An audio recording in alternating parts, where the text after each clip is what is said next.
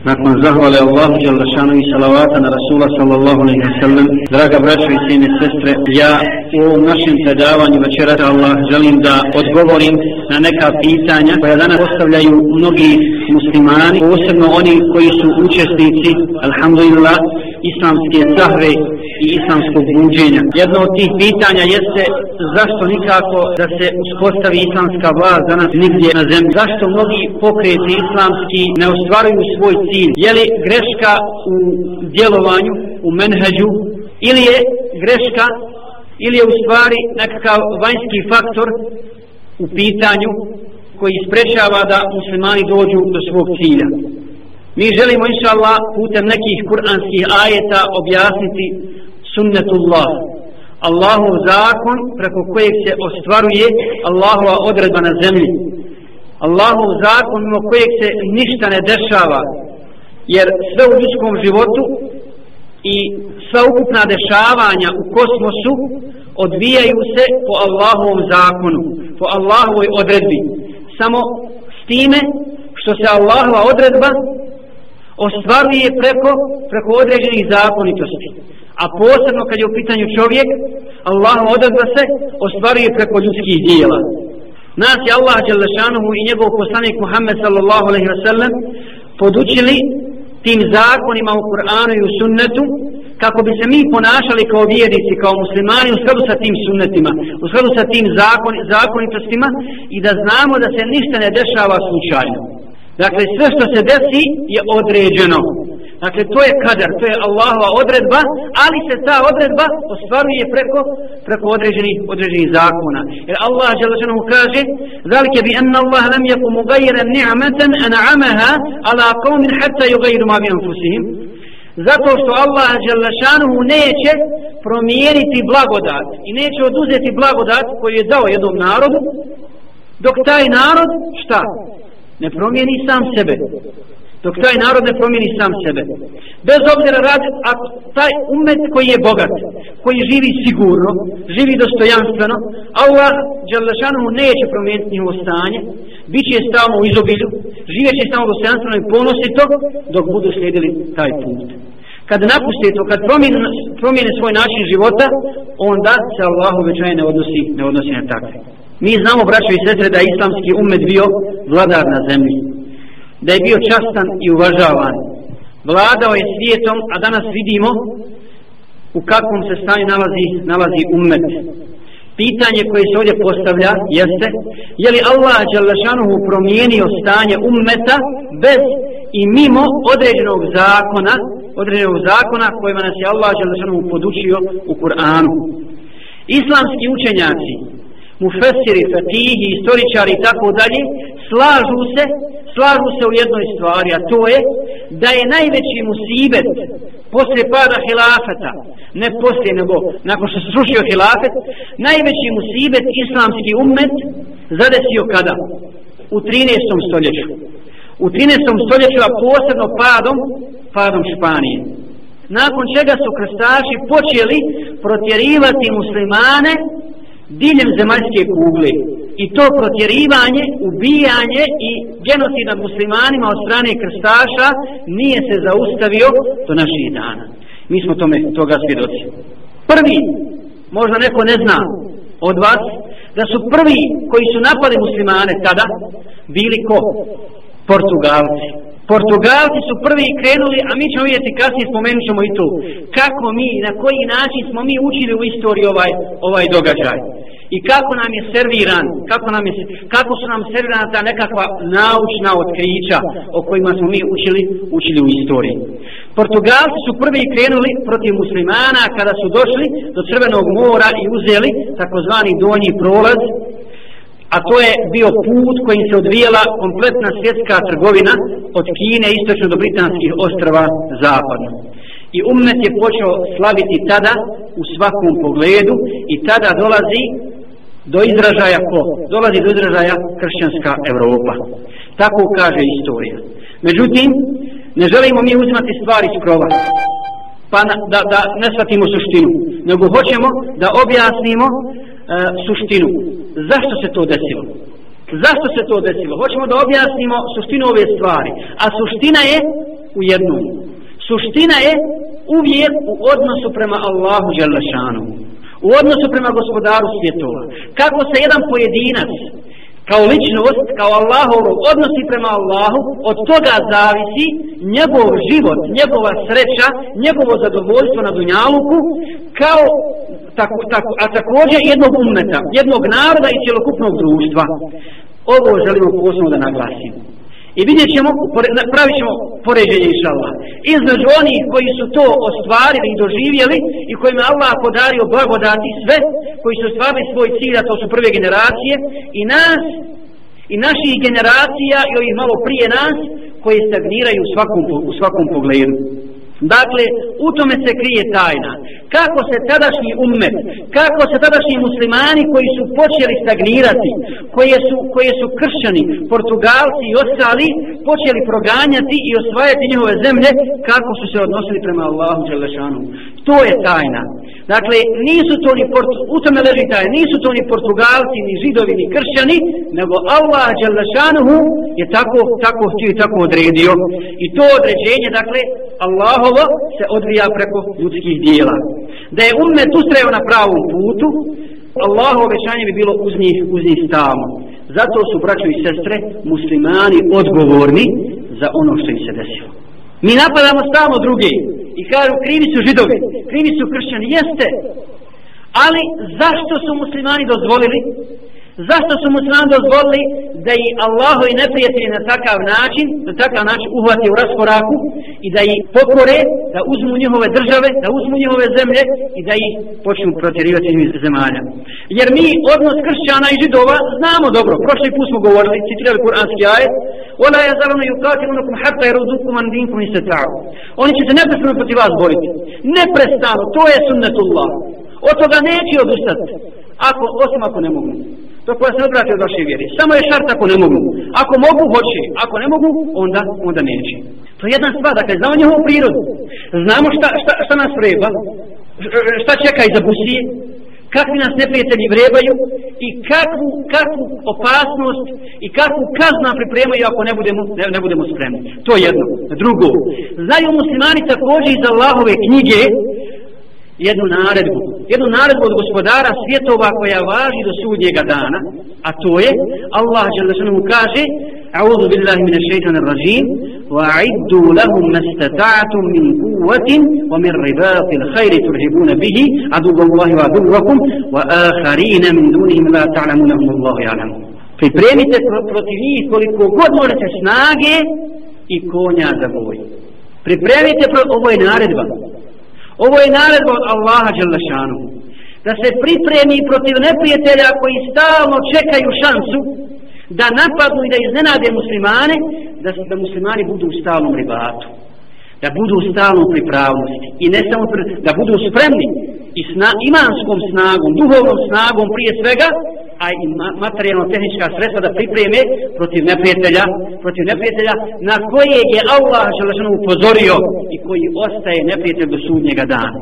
Jesu li muslimani tada u Španiji pripremili tu snagu? Jesu li, jesu li ispoštovali u Allahu naredbu? Slobodno možemo kazati da nisu.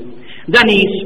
Ni tadašnji muslimani u tadašnjoj Španiji, ni današnji muslimani u današnjim Španijama. Nažalost, što danas, što je danas mnogo Španija muslimanski, nije samo, nije samo jedna. Dakle, u tome se ogleda tajna, tajna neuspjeha, neuspjeha muslimana. Dakle, u tome što nisu, u tome kakav je njih odprema Allahu Đalešanu. I Allah je veliki, veliki, veliki ibret. Ako se neprijatelji sama spremaju protiv nas, i ako su stalno spremni, a muslimani ne izvrši ono što im Allah naredio, šta to znači? To znači da nisu izvršili šta? Vađu. To je naredba gospodara svjetova. Kao što je naredba namaz, kao što je naredba post. Jesi li griješnik ako ne klanjaš? Jesi li griješnik ako, ako ne postiš? Asija prema Allahu, ne pokoran gospodaru svjetova. Allah naredio da pripremiš protiv snagu, snagu protiv neprijatelja. Jer tebi Allah dao objavu preko poslanika sallallahu alejhi ve sellem i ovaj umet mora biti vođa. Mora biti vođa čovječanstva. Ako ne budu muslimani vođe, gotovo je. Stvari će se okrenuti na opačke. Na opačke stvari okrenuti. Druga stvar. Allah Đelešanu je ovaj umet izveo s jednim ciljem. S jednim ciljem i zadužio ga sa onim čime nije zadužio druge umete. Nije zadužio druge narode Kaže uzvišeni, وَكَذَلِكَ جَعَلْنَاكُمْ أُمَّةً وَسَطًا لِتَكُونُوا شُهَدَاءَ عَلَى النَّاسِ وَيَكُونَ الرَّسُولُ عَلَيْكُمْ شَهِيدًا I tako smo od vas učinili srednji ummet ili najbolj, najbolji ummet, ummet srednjeg puta, da biste bili svjedoci protiv drugih ljudi, a da je poslanik bio svjedok protiv vas. Kako ćemo biti svjedoci protiv drugih ljudi? Našom akidom, prihvatanjem tevhida, sljeđenjem poslanika sallallahu alaihi sallam i na sudnjem i borbom, borbom da iz bude gornja. Tako ćemo na sudnjem danu svjedočiti protiv drugih ljudi, prije svega protiv ovog kitabija, protiv ovog kitabija koji su imali knjigu, koji su imali knjigu pa je bacili za leđa. Ali ako mi izvršimo svoj zadatak, tada ćemo biti svjedoci. I posla, a u ovom slučaju, kad muslimani ne izvrše svoju dužnost, tada će biti samo ovo drugo. Tada će biti samo poslanik svjedok protiv nas. Tada će samo poslanik biti svjedok protiv nas. Jer mi nemamo čime se protiv drugi ljudi kad nismo izvršili, izvršili našu ulogu. Ili kako kaže uzvišeni, ođahidu fillahi haqqa جِهَادِ I borite se na Allahovom putu istinskim, istinskim žihadom. Nakon toga, desile su se opasne stvari čovječanstvu jer je jedna od blagodati ovoga ummeta to što je Allah Đelešanu uvezao sudbine drugih ljudi, drugih ummeta i naroda za ovaj ummet. Šta to znači, braćo i sestri? Kada je ovaj ummet na visini zadatka, kada su muslimani na visini zadatka, kada ispune svoju ulogu s kojim je Allah zadužio, onda je svima dobro. Onda svi žive u blagostanju. I židovi, i kršćani, i mušrici, i pavi svi ostali. Svima je dobro ako muslimani vladaju. Jer tada vlada pravda. Tada vlada pravda. Drugačije se pravda društvena ne može uspostaviti bez islama i bez provođenja Allahu, Allahu zakona. Međutim, kada je umet napustio Risalu, pojavila se paganska Evropa. Tada se pojavila Evropa koja je sva u znaku džahilijeta koja je sva u znaku džahilijeta i na političkom planu, i na ekonomskom, i na društvenom, i na moralnom, sva ova polja, ako izučavamo kroz Evropu i evropsku, evropsku kulturu, vidjet ćemo da je to sve u znaku, u znaku džahilijeta. Zato je zlost, zlost, zlost našo čovječanstvo i nestale su tada uzvišene vrijednosti. Ahlak se rastočio, nestalo je morala, dosta je vallah ispomenuti, pogledajte, kad je u pitanju politički sistem, kad je u pitanju društveni sistem, vladanje, dosta je spomenuti samo kolonializam kolonija, to je jedna od, jedna od crnih mrlja Evrope. A kod njih, sve u njihovoj istoriji, sve ideje koje su pokrenuli, su crne mrlje. I nijedna ne odgovara ljudskoj prirodi. Ni komunizam, ni kapitalizam, ni demokratija, ni a sve to, sve to njihov vizu. I fašizam i tako dalje. Dakle, tada nestaje, nestaje svega toga. Ko, pa zatim, kada su kolonizirali posebno muslima, muslimanske zemlje, a s ciljem su to, s ciljem su to uradili, šta se desilo?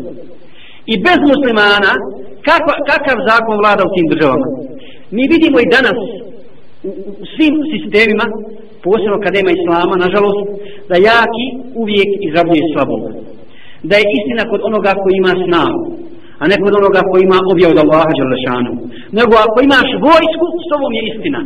A danas ne samo vojsku, ne samo oružje, nego danas je moćno oružje šta? Sredstva informisanja sredstva informisanja koja su u rukama Allahovi neprijatelja. I odmah je kod njih istina. Jer će sto puta ponoviti jednu laž i ona će se pro, protoriti kao, protorit kao, kao istina. Zatim, materialistička civilizacija, odvajanje vjere od države, vjere od države, a morali se to odvojiti. Kad su vidjeli da je kršćanstvo laž, onda se napustili, napustili vjeru. Međutim, nažalost, umjesto da Evropa prihvati islam, kad ti učenjaci kad su vidjeli da nema u kršćanstvu hajra, da tu nema izlaza, prirodno je bilo.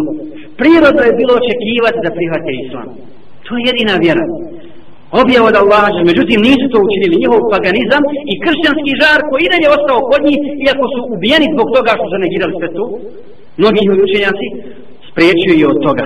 Zatim, nemoral, znamo da je tada žena napustila kuću, napustila je svoju prirodu, svoju prirodnu ulogu, pokvarila se žena, a s njom se pokvario i čovjek, zatim upropaštena je porodica, a posle toga upropašteno i društvo.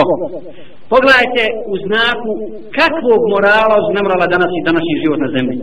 Vidjeli ste samo jednu sliku, jednu sliku, jedan događaj koji je obilježio ovaj mjesec, a to je slika, odnosno poziranje dvije hiljade golih ljudi i žena u Montrealu, jednom, jednom slikaru koji je došao tu, ide od grada do grada, od države do države i pravi, pravi takve fotografije.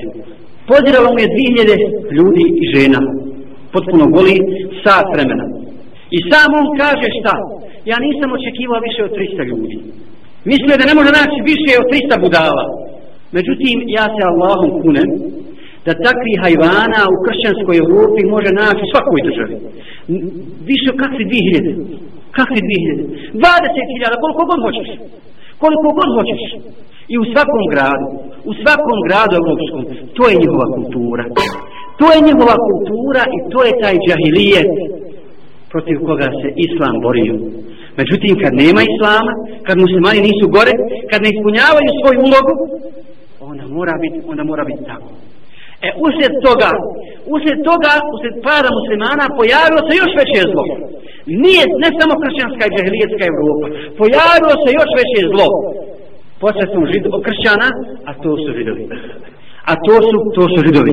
Najveći musibet na Dunjalu koji su samo nadoljeli va, u, ulja na vatru koja treba da sagori čovječanstvo u kojem treba da izgori ljudski rod i sve, sve, ljudske, sve ljudske vrijednosti i tada su židovi vidjeli šansu da ostvari svoj životni cilj, svoj životni san, a to je da zavladaju nepismenim narodima i da zavladaju stokom kako oni smatraju muslimane, kršćani i sve ostale ljude, kada kaže Allah za njih, Oni kažu to židovi, lejsa alejna fil ummina sabil, nije nama grije, što god nepismenim bismo uradimo. Što god ne ne uradimo, nama, nama, to, nama to nije grije. Dakle, a Allah Đelešanu je objavio, dobro, možda se neko upitati sad, zar onda to nije kontradiktornost sa kuranskim ajatom gdje Allah Đelešanu kaže, duribet alejhimu zillatu ejnema zukifu. Na njih će biti poniženje, bit će poniž, poniženi židovi gdje god se nađu nakon što su ubijali poslanike, nakon što su prihvatili istinu, Allah objavljuje poslaniku sa i kaže, na njih je poniženje, bit će spušta na njih poniženje, gdje god bili. Kako to da su danas židovi došli opet ponovo na čelo? Da danas ponovo vladaju svijetom. Da židovski lobby danas haram. Ovdje u ovom istom ajetu ima jedan izuzetak. Allah Đelešanu kaže, jeste, na njim je poniženje, ej nema tukifu, gdje god se nađu, illa bi hablim min Allahi wa hablim min nas. Osim ako se stave pod Allahovu zaštitu i zaštitu ljudi. Znači, osim ako im Allah ne pomogne, ako Allah drugačije ne odredi, i ako im ljudi ne pomognu. Razmislimo dobro o ovom izuzetku ovdje. Ova, ova riječ čestica illa je znak izuzimanja u arabskom jeziku. Dakle, osim a, ako Allah drugačije ne odredi, to je kader koji se odbija, rekli smo po određenim zakonitostima prirodne zakonitosti koje Allah ono uspostavio u svijetu, u životu. I drugo, ako im ljudi ne pomognu. Šta to znači? Mi kad govorimo o ljudima i pomaganju, njih odmah pomislimo na Ameriku, na Rusiju i tako dalje. Ne, nije tačno. Ne samo oni. Nego danas su meni se čini i muslimani, i kršćani, i Amerika, i Rusija, i tako, i svi ostali, vojska židovska. Vojska židovska, kako? Na koji način? Pogledajte, braćo i sestre, izume koje su židovi izmislili. Hajde samo pogledajte, pogledajmo na, na ovu kulturnu, odnosno nekulturnu scenu našeg života. Ko je izmislio kinosale i zašto? Zar danas ne vlada ludilo, kinosa, ludilo kina među, među omladinom? I zar svaki musliman i muslimanka koje ga je uhvatilo to ludilo ne pomaže židove? To je idejni, i materijalni i svaki drugi izum od strane židova. Zatim, futbalsko ludilo, čiji je to izum? Pa ste čak vidjeli na svjetskom prvenstvu i žene pod nikadma i Saudijski Arabi navijaju za Saudiju u futbalu. A umet ponižen do dna. I može se okupiti 100.000, 200.000 ljudi i gledati te utakmice, gledati te ludosti, te gluposti kao da se ništa ne dešava, kao da smo mi uspostavili islamsku državu, kao da smo uspostavili hilafet i sad mašala možemo malo odmoriti. sad možemo malo odmoriti. A na svakom pedu zemaljske kugle se skrnavi čast muslimana. I napada se na čast muslimana i muslimanki. Pa zatim, sve, sve, druge, sve druge stvari, nije, nije samo to. Ludilo mode, čisto je to izum? Ko to danas zavodi muslimane, a posebno muslimanke žene, da slijede, da, da slijede mode, da troše pare, da troše pare na to. i na sve ostale, na sve ostale stvari. A islamski umet danas raspravlja i kad raspravlja o vjeri, raspravlja u detalje ide o nekim stvarima koje su jasne, zabranjene, jasno ko dan. Evo ja ću samo jednu stvar. Muzika. Možda će neko reći, ma nije toliko bitna, dobro nije bitna. A o čemu raspravljaju muslimani danas? I ne samo mu su obični muslimani, nego ulema. Hoćemo li, možemo li napraviti razliku između zvuka i muzike? Zvuka koji čujete tamo na kompjuteru ili negdje drugo i tako dalje. Može li se s tom podlogom učiti lahije, ako već ne može, ne može muzika? Jedan je taj umet koji dođe na takav stepen da o tome, da o, to, da o tome raspravlja, a umet, a umet ponižen, ponižen do, do dna. Zato je, braćo i sestre, ogromna odgovornost na ovom umetu, jer islamski umet je bio umet znanja na zemlji. Španija je bila utočište ljudima, utočište ljudima ne samo u pogledu šarijetskog znanja, u pogledu svih naučnih disciplina i Evropa nikada, to su priznali kršćani, Evropa nikada ne bi izišla iz mraka srednjeg vijeka da se nije upoznala sa islamom. Nikada. Slali su svoje, oni su slali svoje učenjake, svoje ljude da proučavaju nauku i oni kad bi se vraćali, vraćali u Europu, govorili su, susreli su se s žalom. Nakon što su vidjeli ljepote Islama, islamskog šerijata, nauke koja svijeta, morala koji svijeta u islamskoj državi, nisu mogli, a da tako ne konstatuju. I da su muslimani usreli na pravom putu, da se industrijska, šta mislite da se industrijska revolucija desila u okviru islamske države? A, vallahi, svijet ne bi poznao kamata. Svijet ne bi poznao kamatu, svijet ne bi poznao takvu eksploataciju čovjeka kao jeftini radne snage, i svi i ne bi poznavao ratove i sukove koji su obilježili obilježili našu našu stvarnost. To je jedna stvar. Druga stvar što je bio uzrok što je bio uzrok pada islama a tiče se odnosa prema Allahu Đelešanuhu jeste izobilje kome su se odali muslimani. Dunjalu koji je zavaro muslimane pa su počeli da stagniraju. A Allah Đelešanuhu kad govori o tom izobilju koje može biti tekako blagodat ako se iskoristi kako treba وإذا أردنا أن نهلك قرية أمرنا متر فيها ففسقوا فيها فحق عليه القول فدمرناها تدميرا kaže Allah šanu kada hoćemo da jedan grad uništimo onda one koji su se na raskoš navikli pre, prepustimo da se razvrat odaju da se potpuno razvrat, razvrat odaju i onda nisu spremni ni zašto neki kršćani napadu islamsku državu je li takav vladar spreman da podigne vojsku da se bori protiv njih nije vallahi I ne samo to, nego u suri Taube, Allah govori za one kad su bili pozvani u džihad, kad su bili pozvani da šire Allahu u vjeru, za one koji su bili bogati, koji nisu, koji su odali svom bogatstvu i tom izobilju, rabu bi en je kunu me wa tubi tu bi ala kulubi. Kaže uzvišeni, zadovoljni su da budu s onima koji ostaju. Zadovoljni su kad Allah, kad je Allah i njegov pravi pozovu u žihad, oni su zadovoljni da ostanu sa onima koji, sa ženama, sa invalidima, sa onima koji ne mogu da idu u boju. Dakle, ne mogu, njihova srca ne mogu da idu. Jer dunjavuki je osvoj, oni su utopili tim strastima i onda su digli sablje samo kad treba odbraniti taj Dunjavuk. Kao su nasilno muslimani, njihove državice, njihove, njihove emirate i tako dalje, gdje se bore jedni protiv drugih samo da bi ostvarili svoj cilj da bi se zadržali, zadržali na vlasti. A ako pomažu muslimane, jedni druge, onda i samo materijalno pomažu. Treba pomoć Palestinu, evo para, evo maraka, evo dolara, evo svega. To je dobro, to je pohvalno svakako. To je odraz našeg saosjećanja prema muslimanima. A je li to dovoljno? Hoće se muslimani Palestine spasiti, izvući iz krize na taj način? Neće. Neće, vallahi. Nema tu nikakvog napretka. Nema tu hajra. Jer je Salahudine Jubi tako osvojio, osvojio Palestinu?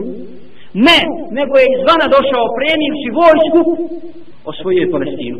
Ili Kuduz, ili ostale islamske vojskovođe koji su došli da pomognu, da pomognu muslimane, da oslobode svet, sveta mjesta. Džihad. Džihadom se to može uraditi. Jer bez džihada dva temelja osnovna preko koji se može uspostaviti ponovo istinski život na zemlji. Džihad na Allahovom putu. Bez džihada je rijeka života žabokrećina. Žabokrećina, baruština vallahi i drug, na drugoj strani je drugi temelj pravda.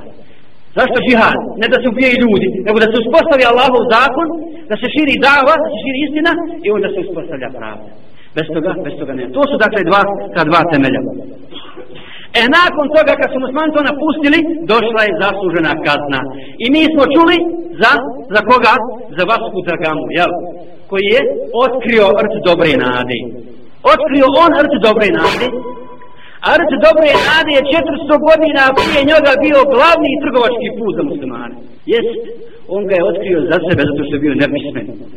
I za svoje kršćane a muslimani su živjeli na tom mjestu, to je mjesto bilo naseljeno, preko njega se odvijela trgovina i nije tačno da, je ga, da, ga, da, ga je on, da ga je on otkrio. Naprotiv, muslimani su znali, ne samo preko muslimana je našao taj put.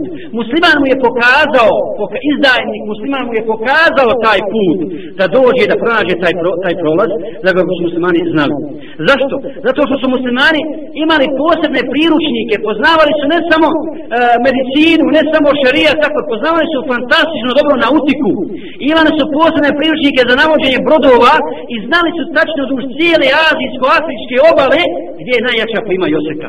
Gdje su najjače prima Joseka zbog svoje trgovine i tako dalje. E kasnije, kad se to desilo, one su kršćani to, kršćani to preuzeli. I time su željeli šta? Šta su time kršćani željeli? Normalno, prije svega uništiti islam i uništiti šerijat. Jer ne mogu oni svoje krstaštvo širiti ako bude, ako bude islama. Ne mogu oni svoj nemoral širiti ako bude islama. Ne mogu činiti zinalu, ne mogu unijeti alkohol ako vlada, ako vlada Allahu, Allahu zakon. Dakle, zbog toga stagnira islamski umet. Zbog odnosa, onakav kakav je odnos prema Allahu Đalešanuhu, od toga zavisi sreća ili nesreća, prosperitet ili stagnacija, stagnacija jednog naroda. Pošto imamo još vremena, komutno možemo na osnovu ovoga, smo kazali, napraviti usporedbu drugu sa prvom generacijom, koja je uspjela. Jer nekome možda i toga izgleda ponovo nestvarno. Je li moguće da su oni uspjeli? Evo danas se muslimani trude, imaju pokreti, imaju organizacije, imaju, imaju, a opet ne uspijevamo. Ali hoćemo da navedemo samo dva primjera, braćo i sestre. Ne muđahida prve generacije, ne alima, ne pobožnjaka, ne, ne, ne, o njima smo puno slušali i čitali. Hoćemo da navedemo dva primjera odnosa prema Allahu Đelešanuhu kroz grijeh. Navešćemo primjer griješnika iz tih generacija.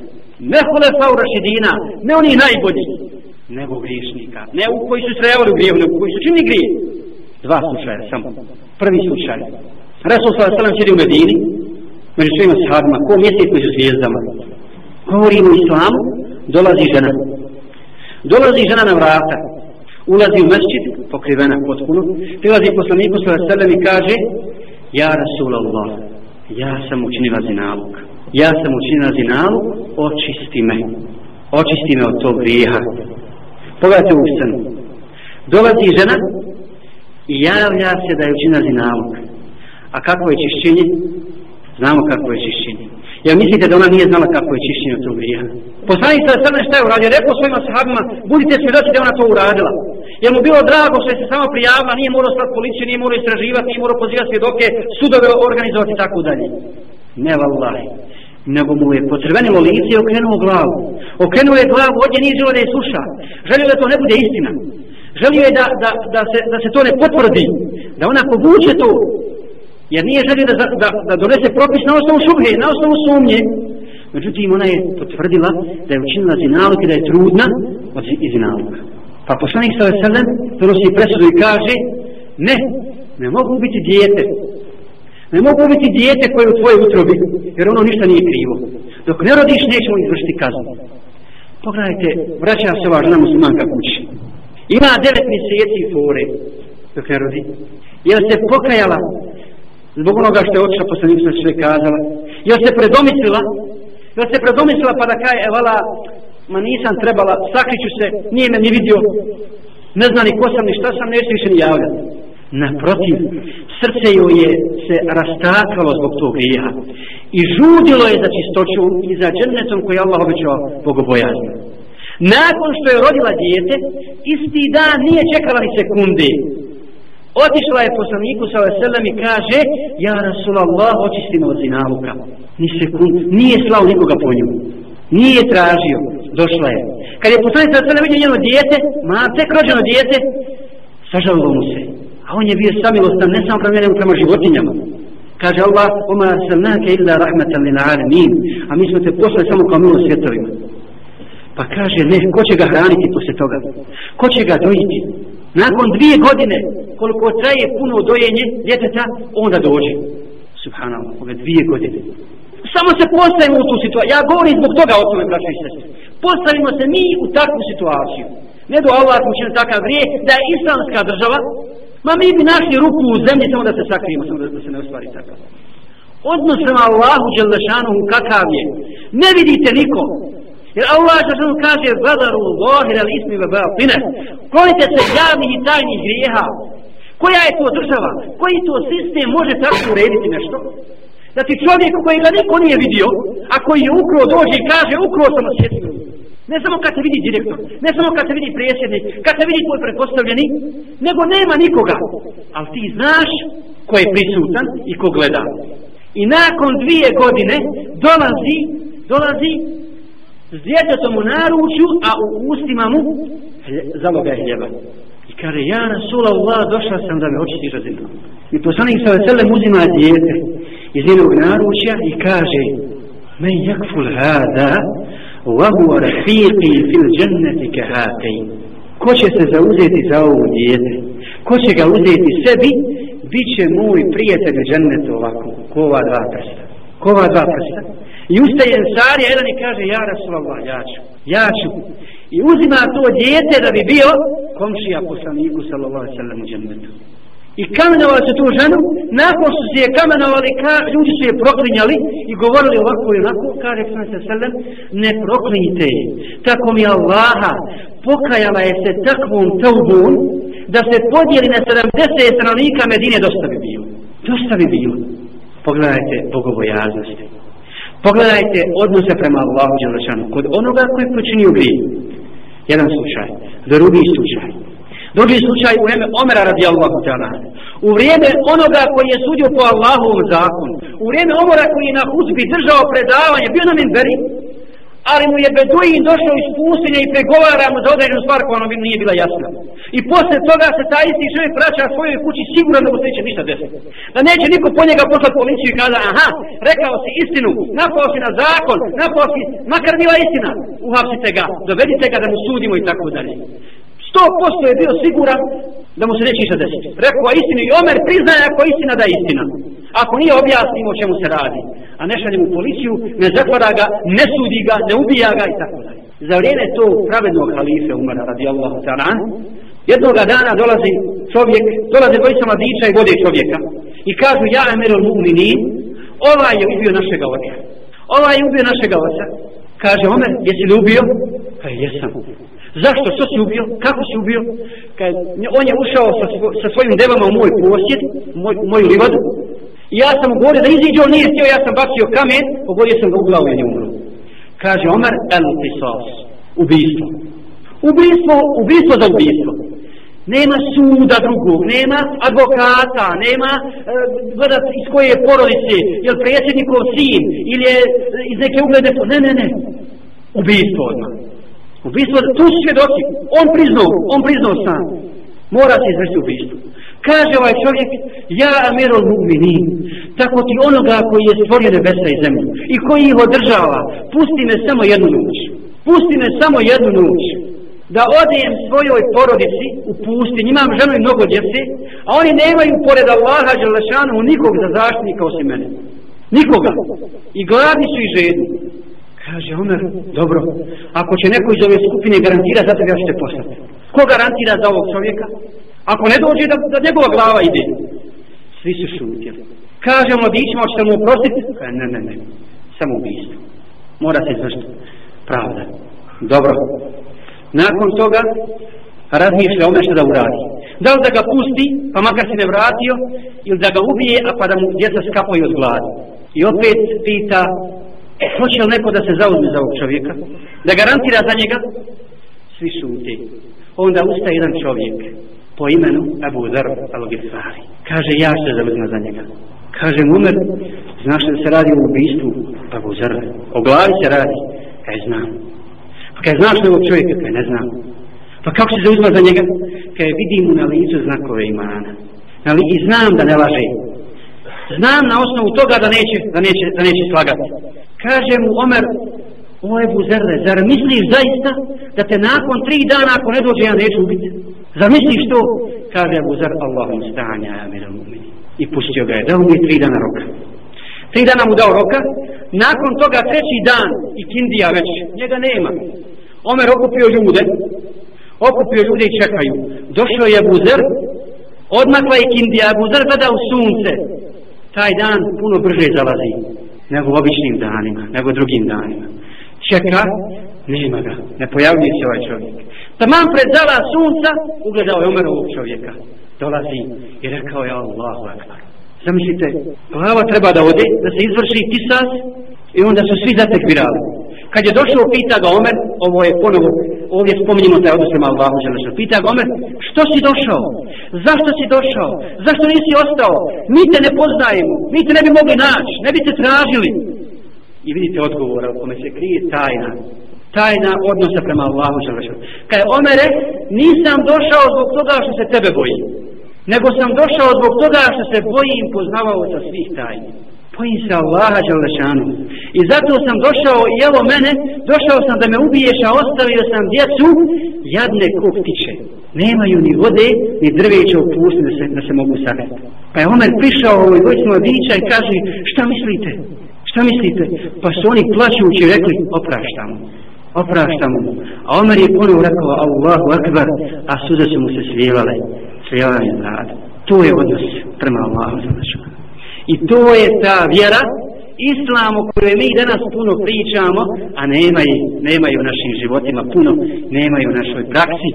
I meni se čini da je s čefinima te prve generacije ukopan i ovaj ponos Islama i ova radost i sreća zbog, zbog Islama.